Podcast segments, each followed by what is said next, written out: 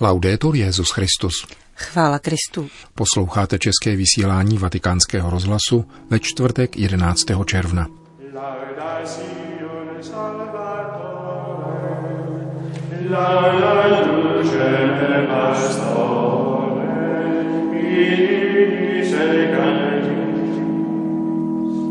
Odvahu a naději jsme přece věřící, řekl papež František během telefonického rozhovoru arcibiskupovi brazilského poutního místa v Aparecida. Starý problém svobody církve znovu ožívá. Upozornil v závěru plenárního zasedání francouzské biskupské konference její předseda arcibiskup Eric de Moulin Beaufort. Čínské úřady uznali biskupa jmenovaného svatým stolcem. To jsou hlavní témata našeho dnešního pořadu, kterým provázejí Milan Glázer a Johana Bronková.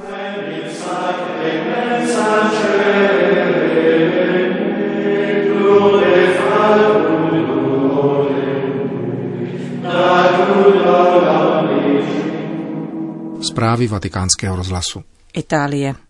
Křesťanům je pravda dána, chleb se stává tělem pána, víno jeho krví jest.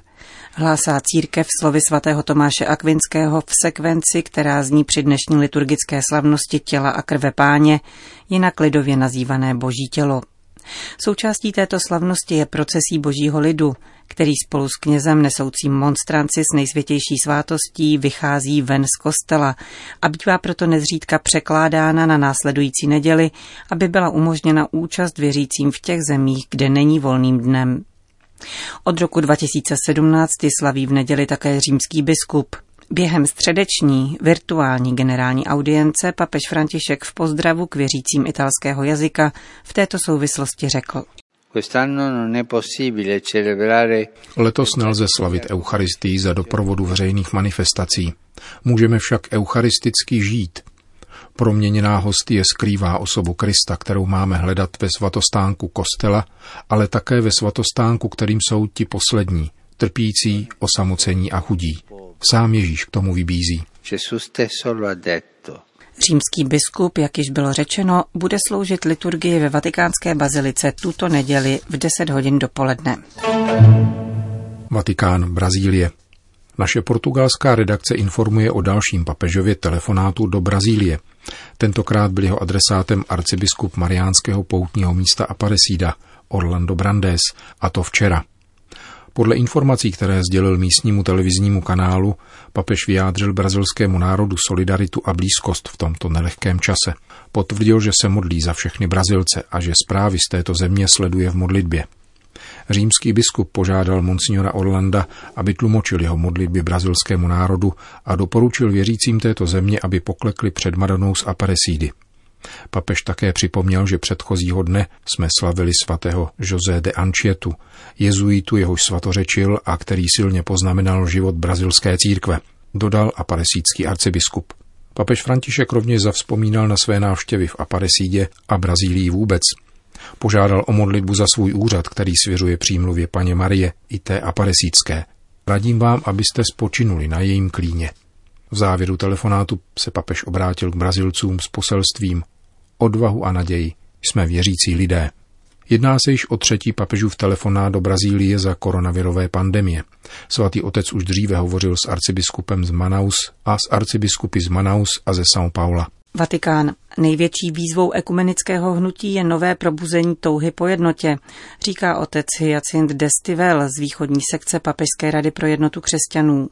Připomíná, že největší podporu měl ekumenismus po koncilní generaci, dnes touha po jednotě výrazně zeslábla. Navíc zjišťujeme, že nám chybí také společná vize jednoty církve, bez níž je obtížné jít ku předu, říká francouzský Dominikán. Na okraj letošního 60. výročí oficiální angažovanosti katolické církve v ekumenickém hnutí otec Destivel podotýká, že mezi věřícími chybí povědomí o jeho výsledcích. V některých případech došlo totiž opravdu k ohromným posunům. Příkladem je překonání kristologických roztržek ve vztazích se starými východními církvemi. Mluví otec Destivel. Kristologické otázky, které nás rozdělovaly od doby chalcedonského koncilu, tedy od 5. století, byly překonány díky kristologickým deklaracím podepsaným papeži Pavlem VI., Janem Pavlem II., Benediktem XVI. a patriarchy různých předchalcedonských církví, které nazýváme monofyzickými. Podařilo se tak ukončit různice ohledně Krista, které se vlekly více než 1500 let. Zjistili jsme, že různost názorů se zakládala především na filologických a kulturních pojetích, ale že ve víře se nelišíme. Ukázalo se, že máme stejnou víru. Slavnostně to stvrdili papežové a patriarchové. Dalším příkladem je uznání eucharistické modlitby asyrské východní církve. Stalo se to v roce 2001 díky práci teologů. Díky tomu byla také navázána pastorační spolupráce s katolickou chaldejskou církví. To všechno jsou projevy pokroku na cestě k jednotě. Vidíme, že díky práci teologů lze dojít k dohodě, především ve společné interpretaci dějin a skrze hledání společného jazyka pro vyjádření téže víry. Ve vztazích se starými východními církvemi tedy došlo k velkému posunu. 1500 let jsme byli rozděleni kvůli různému pohledu na kristologická témata a nyní posledních 20-30 let uznáváme, že máme stejnou víru, kterou vyjadřujeme v jiných konceptech. Říká otec Jacin Destivel z východní sekce Papiské rady pro jednotu křesťanů. Vatikán. Dopřát hlas kultuře života, která vychází z vědeckých pokroků dnešní medicíny a v oblasti perinatální péče se nabízí jako alternativa selektivní prenatální diagnostiky. S tímto cílem se právě před rokem v Římském institutu Augustinianum konal Mezinárodní kongres o nenarozeném životě, jehož se na pozvání Úřadu pro lajiky, rodinu a život účastnilo zhruba 400 lidí ze 70 zemí, včetně odborníků na poli perinatální hospicové péče a rodinné psychologie. Jejich přednášky nyní schrnuje elektronická kniha nazvaná Ano životu, ujmout se cenného daru života v jeho křehkosti. Zdarma je dostupná v angličtině a italštině na webových stránkách zmíněné vatikánské instituce a na webu vatikánského nakladatelství. Jak vysvětluje sekretář Úřadu pro lajiky, rodinu a život, otec Alexandr Avi Melio, zhruba 300 stránková digitální kniha byla zamýšlena jako nástroj vědecké a pastorační formace a informace při doprovázení páru, Zhruba 300 stránková digitální kniha byla zamýšlena jako nástroj vědecké a pastorační formace a informace při doprovázení párů a rodin, které prožívají narození dítěte s vrozenou vývojovou vadou, nabízející jasnou konkrétní alternativu k potratu. Kongres, pořádaný za podpory kolumbových rytířů, zaznamenal ohlas po celém světě.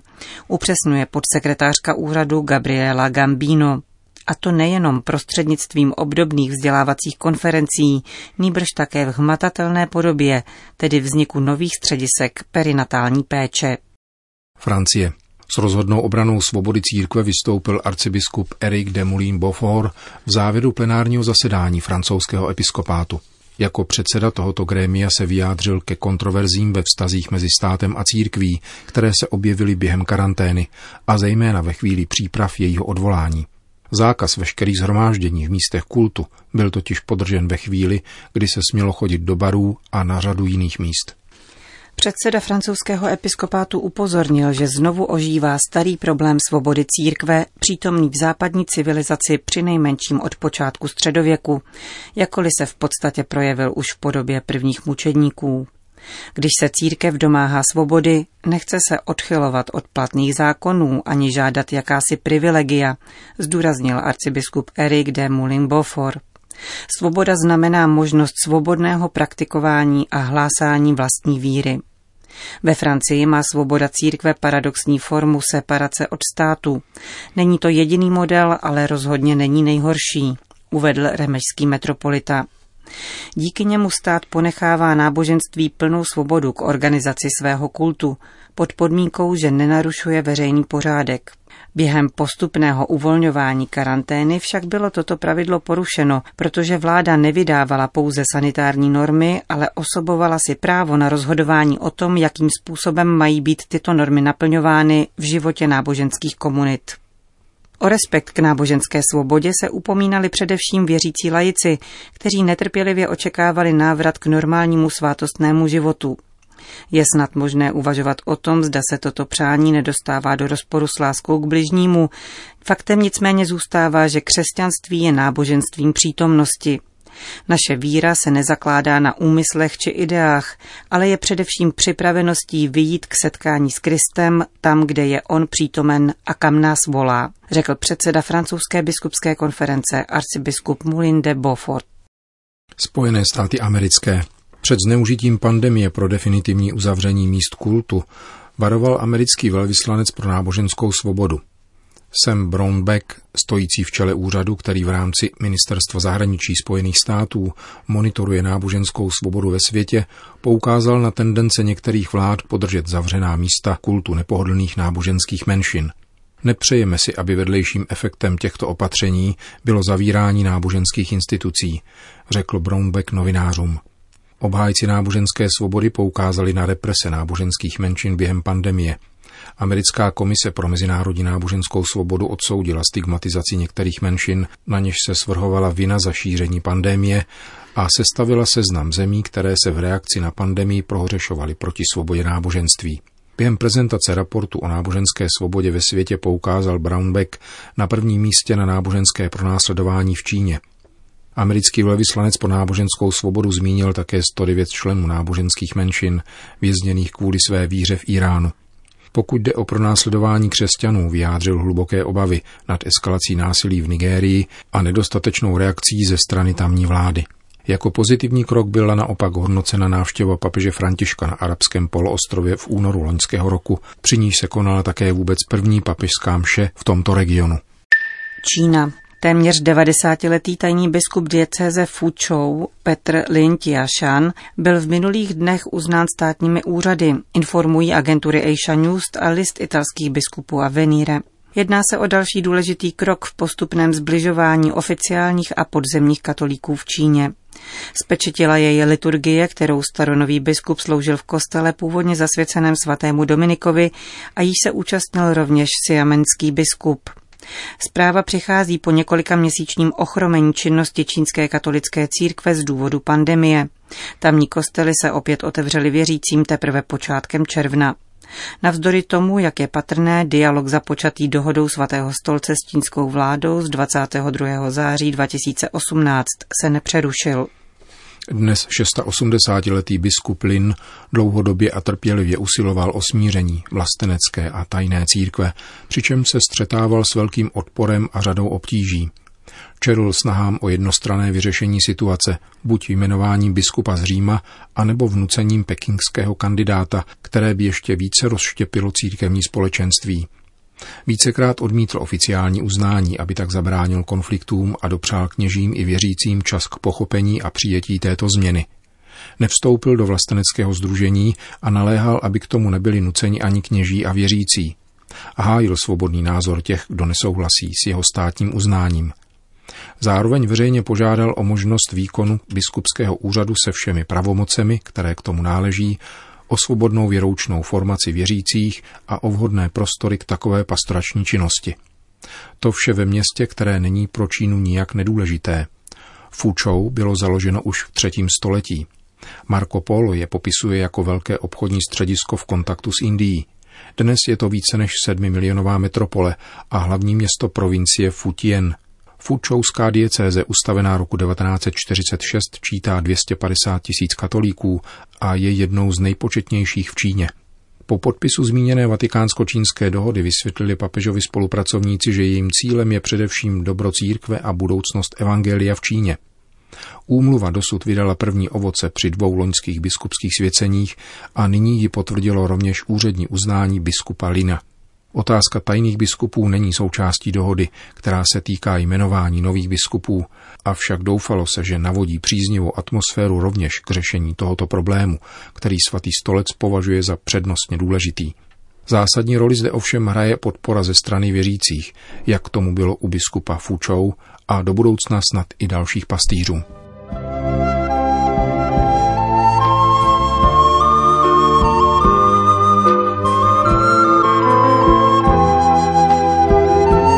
Končíme české vysílání vatikánského rozhlasu. Chvála Kristu. Laudetur Jezus Christus. thank you